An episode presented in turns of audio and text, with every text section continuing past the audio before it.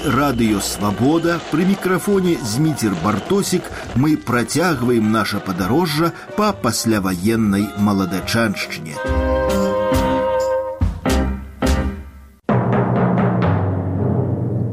Напрыканцы сорокавых гадоў у заходняй Беларусі дзейнічала не адна падпольная моладзевая арганізацыя. Слонімская чайка, пастаўскі і глыбоцкі саюз беларускіх патрыётаў, баранавіцкі камітэт вызвалення Беларусі, нясвійскі саюз змагання за незалежнасць Беларусі, мядзельска-смаргонскае моладзевае падзем'е.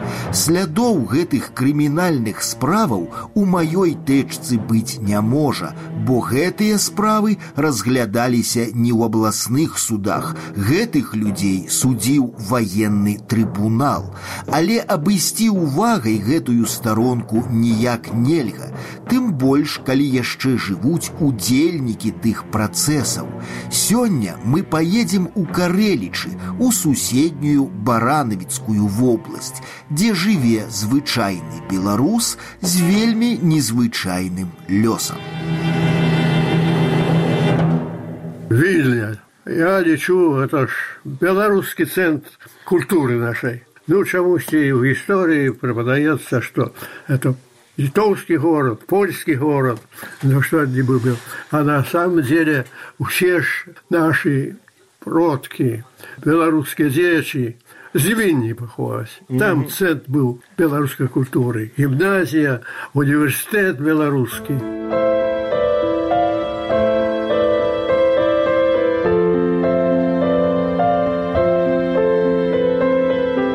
Я сяджу ў гасцях у карэліцкага старажыла лявона Богуша, немалады, інтэлігентны, падобны да прафесара чалавек, расказвае мне, што вільня наша сапраўдная духоўная сталіца, што вялікае княства старажытная беларуская дзяржава.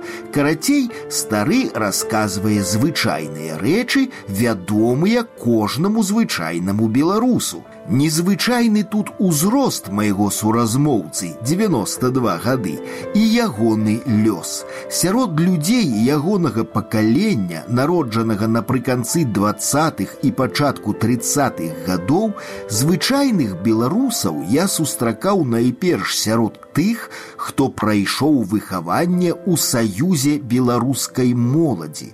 Я кажу тут не пра тутэйшага, не пра касцёльнага паляка, а пра беларуса звычайнага, як пра звычайнага паляка ці звычайнага літоўца, якія гавораць на сваіх мовах, пяюць свае песні, ведаюць свае гістарычныя міты ды памятаюць сваіх нацыянальных герояў.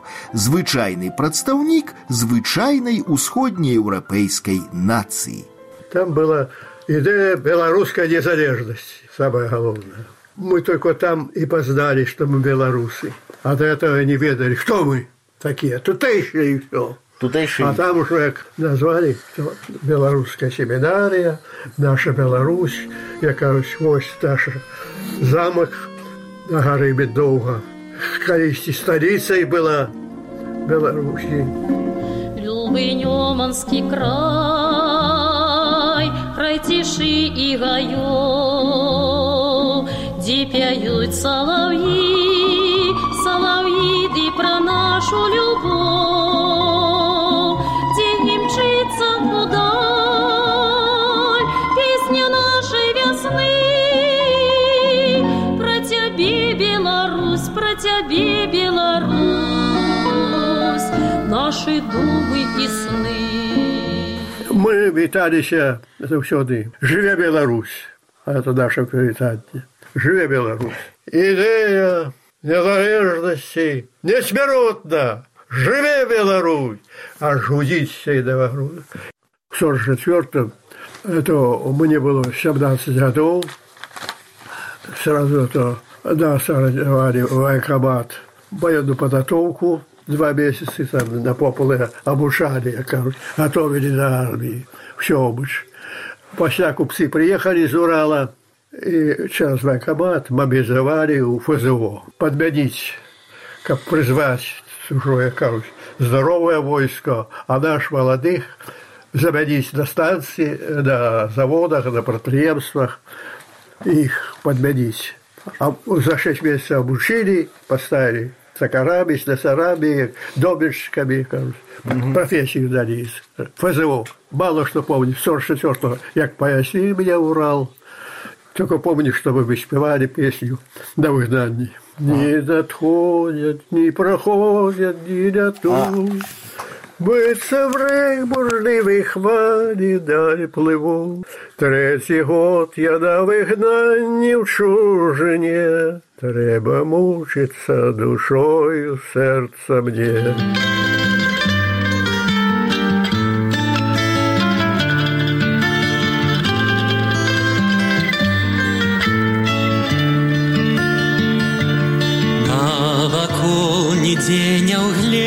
Угледишь родных хат, Не протягне рук зычливо родный брат, Не поделишь новодумок с никим тут, Не пригорне в одиночестве родный кут. Дочь зорочки приветливо михтят,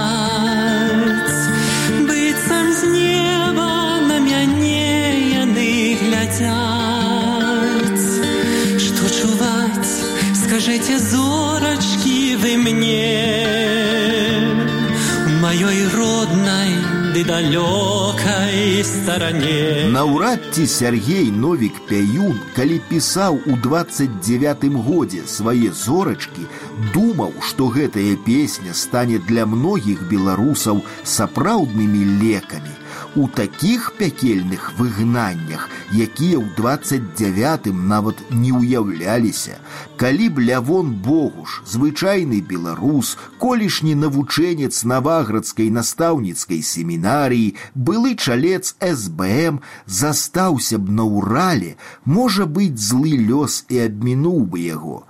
Але ў 47 годзе наш герой вяртаецца на радзіму, дзе звычайнаму беларусу знаходіцца знаходзіцца небяспечна. Лявон Богуш становіцца студэнтам эканамічнага тэхнікума, у тым самым наваградку, над якім яшчэ тры гады назад у 44 разляталася іх гучная жыве Беларусь. С третьего курса с урока нас на конверт забрали. А чего-то было, это трудно объяснить, чи там провокация была, что что то наш третий коллега был у Бресте, ён на год раней з Урала учёл, там звязаўся з такімі падпольнай арганізацыі беларускай нацыяналістычнай. І як да канікулы ён прыязджаў на отпуск, сустракаўся з намі і мы некую распіску распісалі. В общем, чорна-бела, як на відзе прысягі. А бумажка попала ў КГБ. По сутности, вы не удел ни в якой организации. Никаких. Ну, только что эта встреча была под пятую руку, разговор, и эта бумажка словы написаны были. И это послужило, як нам этой з нами разом сидел, каже, вы ж сами себе паспорт у тюрьму написали. Это кто сказал? Как закрыть дело этой организации, поставленный был человек, который ничего с белорусским делом не имел. И он до этого наша кіраўніка і не моего кіраўніка гэтай арганізацыі сказаў ты ж прадатель ты правокатор ты ж дзяцей этих посадил, загубил вадако ты ж продал их, заставил паспорт в тюрьму написать колькі ж яшчэ існавала арганізацый выдуманых у кабінетах МГБ колькі маладых людзей атрымалі 25гадовыя тэрміны толькі за факт подпісу некалі гэта будзе вядома тады калі знікне ўлада НКВД МГБ КГБ а провокатор кто это был провокатор это я лечу, что он провокатор, тумашчик. Ён сам Скарэліч.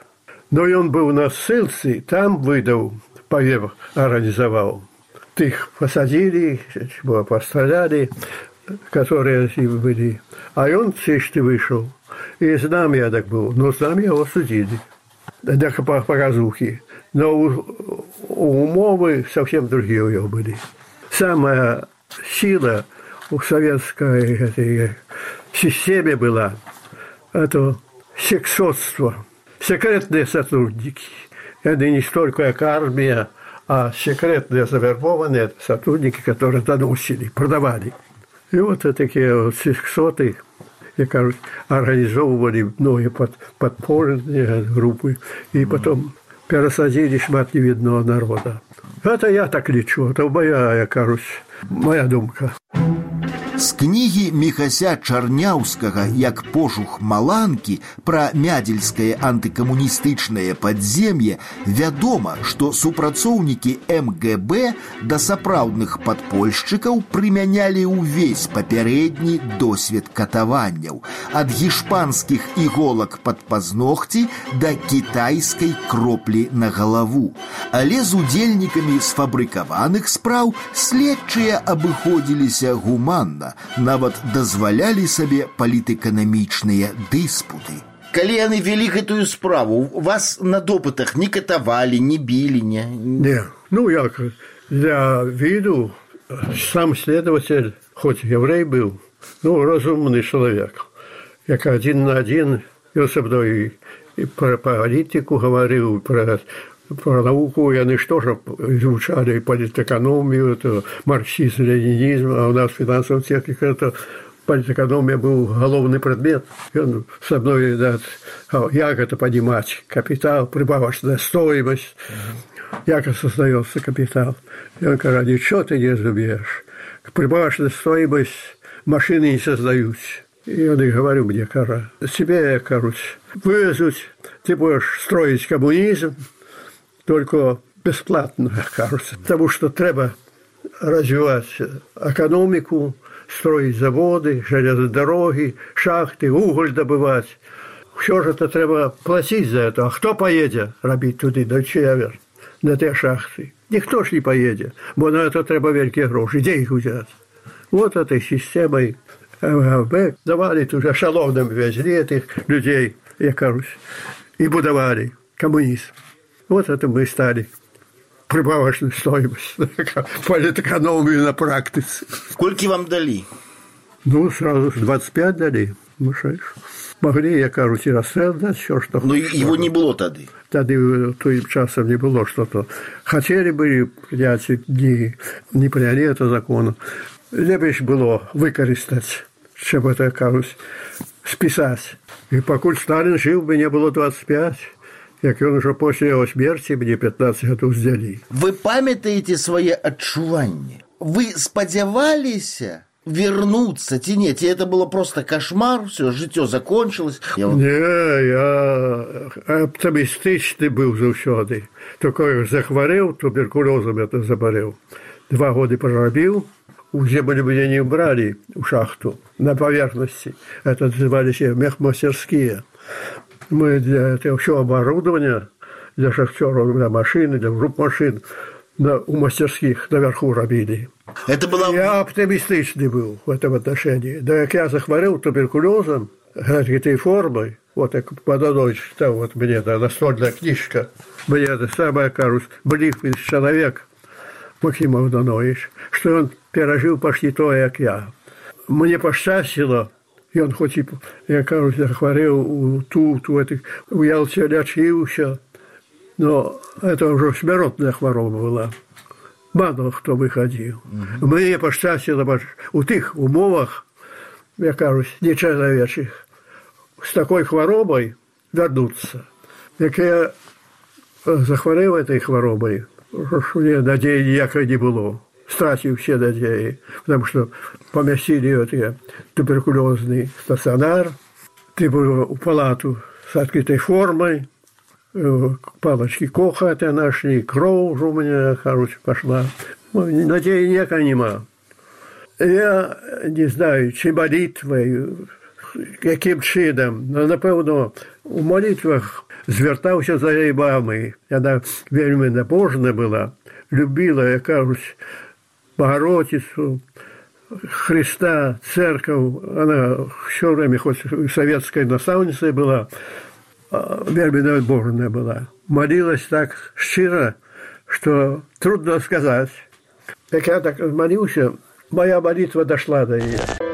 Дзясяткі чальцоў з антыкамуністычных арганізацыяў з глыбокага і пастаў, з мядзела і смаргоні, з баранавічаў і слоніма, з наваградка і гародні, і невядомая пакуль колькасць людзей, як наш герой, якія трапілі за краты па сфабрыкаваных у МГБ справах, павінны былі згінуць у Сыбірі, на Калыме і ў коме.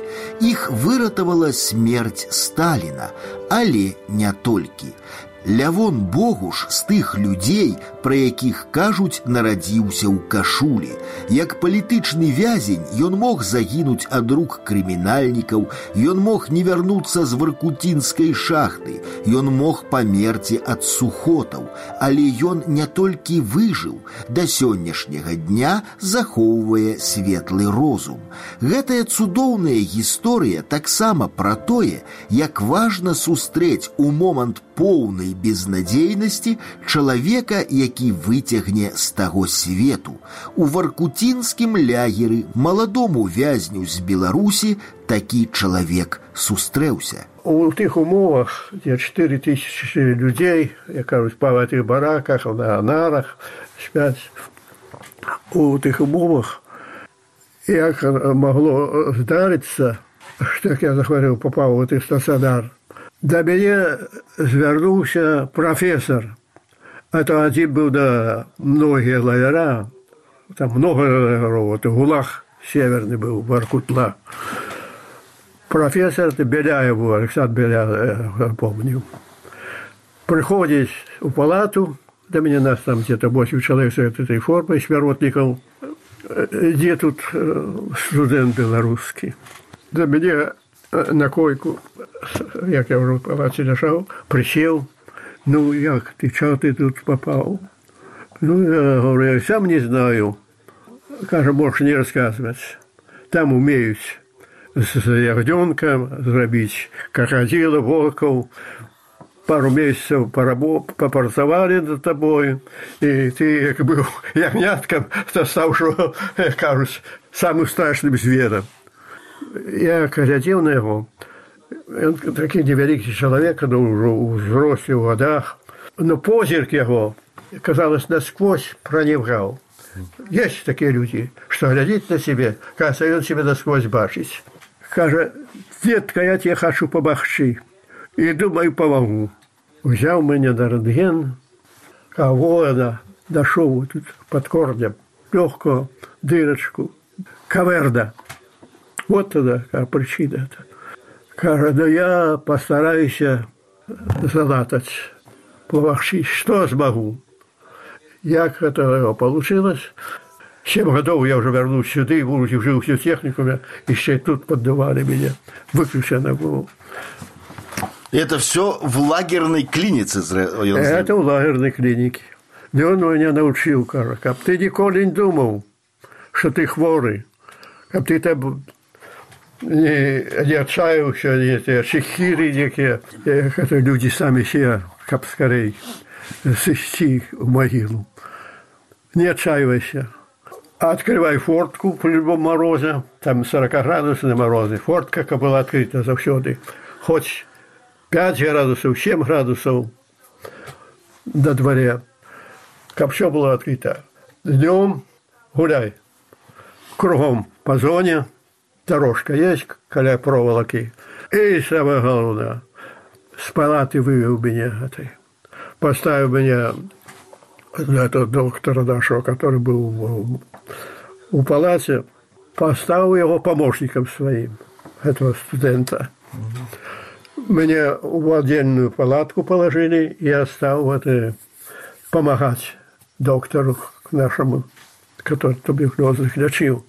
Каб я был занятый, каб я не думал. И самое главное приказал, каб ты не думал, что ты хворый, думай, что ты здоровый. Можешь это, играть, на чем играй, можешь карты там, тебе что-нибудь, каб ты не думал про хворобу свою. А я мог? Я не музыкант, стихи не умею писать. что я умел? Спевать только сам себе. И я то день, и ночь, кажусь, спеваю.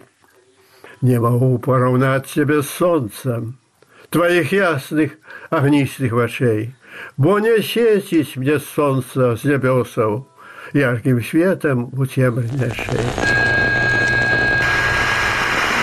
Не могу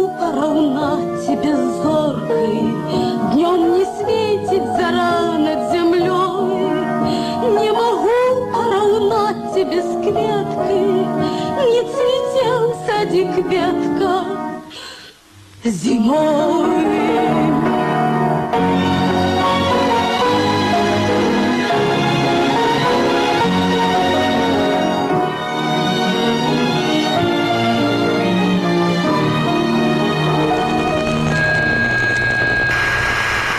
Мог лявон Богу ж загінуць і ад прыроднай стыхіі падчас буры на паўночнай рацэ. У якім годзе вы селі?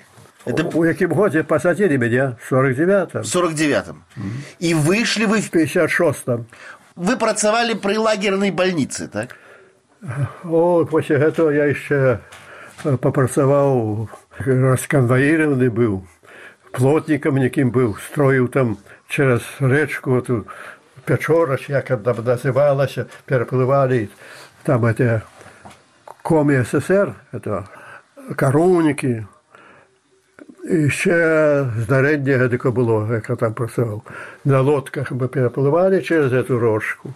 І одночі, що нам треба було, з нами один каваїр був, і наш чоловік 20 строили это коровник, где те местные комики жили.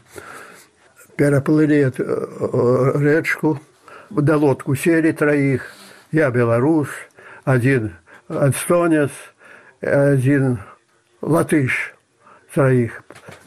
Соломы, там седа, что держали травы добрать у матрасы, где мы там зашивали.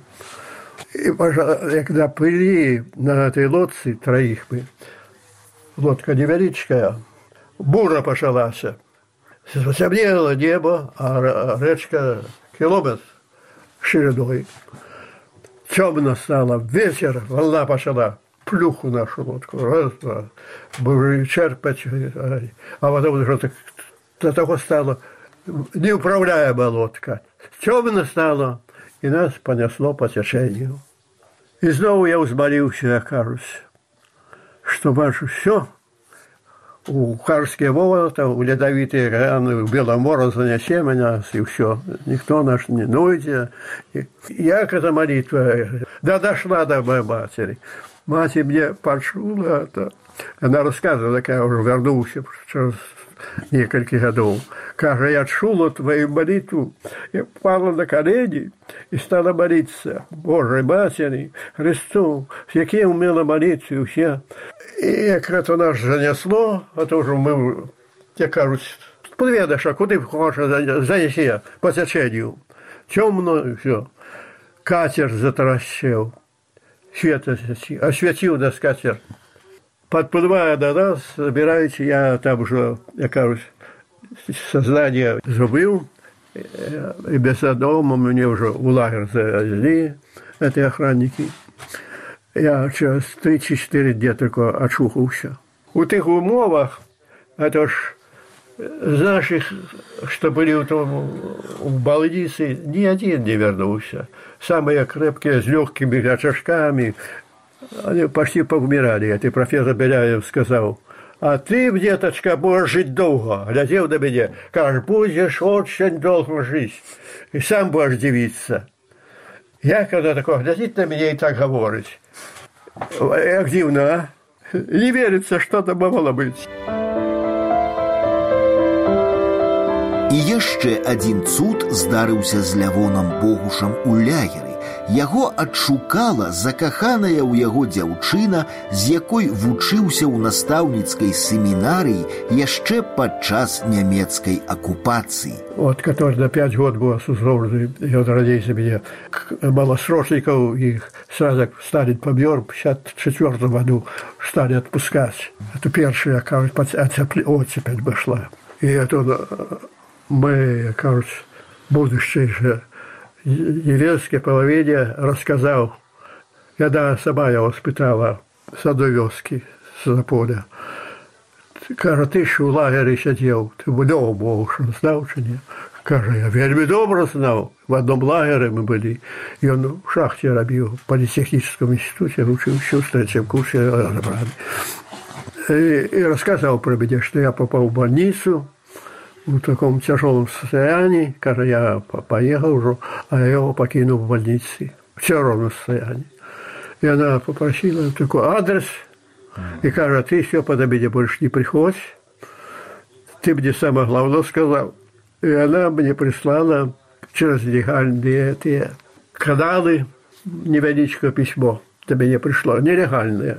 Маленькую писуку писала, что она окончила этот учительский институт, працує наставницей, заучем на Полесье. И, каже, я тебя помню по семинарии, и я ніколи не забуду. А як мы учи, в училище жили в одной хозяйке, три девчины и три хлопцы в разных комнатах. И мы тоді здесь знакомились. И вот она нас запомнила. Я, я мало тогда помнил. Она меня запомнила. Как это получилось, что тогда все життя. Это прислала письмо, и мне тогда, я кажусь, натхнение такое. Вера, что я повинен выжить, чтобы не помнить, кто то такая, что я не один, кому-то матери потребны, еще кому-то потребны.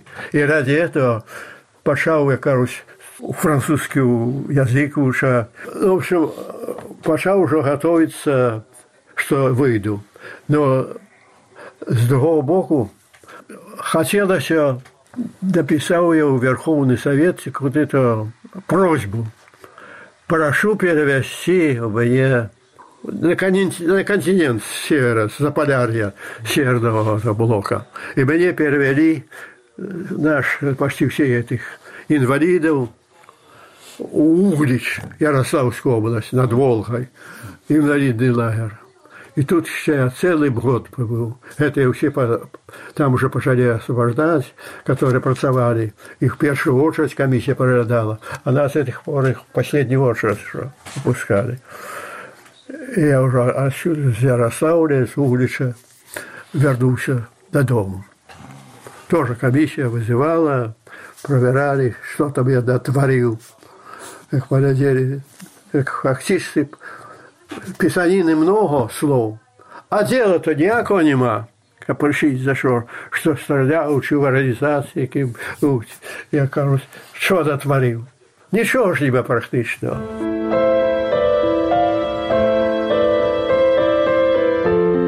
Па вяртанні з варкуты Лявон Богуш пабраўся шлюбам з той, дзякуючы якой выжыў адвучыўся, працаваў ветэрынарам, дажыў да ўнукаў і праўнукаў. Спадар Лявон лічыць, што яго пасадзілі ні за што, але гэта не так.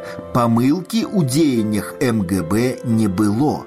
Янка Брыль аднойчы выказаў думку, што калі б беларусу загадала начальства быць беларусам, дык гэта быў бы ого-го, які беларус. Надраз беларусаў словы клясыка гучаць не надта камплементарна. Асабіста я самых сапраўдных беларусаў сустракаў якраз не з ліку тых, каго абеларусілі пад прымусам. Зрэшты такога ў гісторыі, здаецца, і не было ніколі. А вось тыя, хто ад нараджэння ніякай іншай мовы не ведаў, хто затым прайшоў у польскіх школах навуку нацыянальнага прыніжэння, а праз пэўны час ужо за немцамі, дзякуючы беларускім настаўнікам уздыхнуў на поўныя нацыянальныя грудзі, адчуў сябе чалавекам, гаспадаром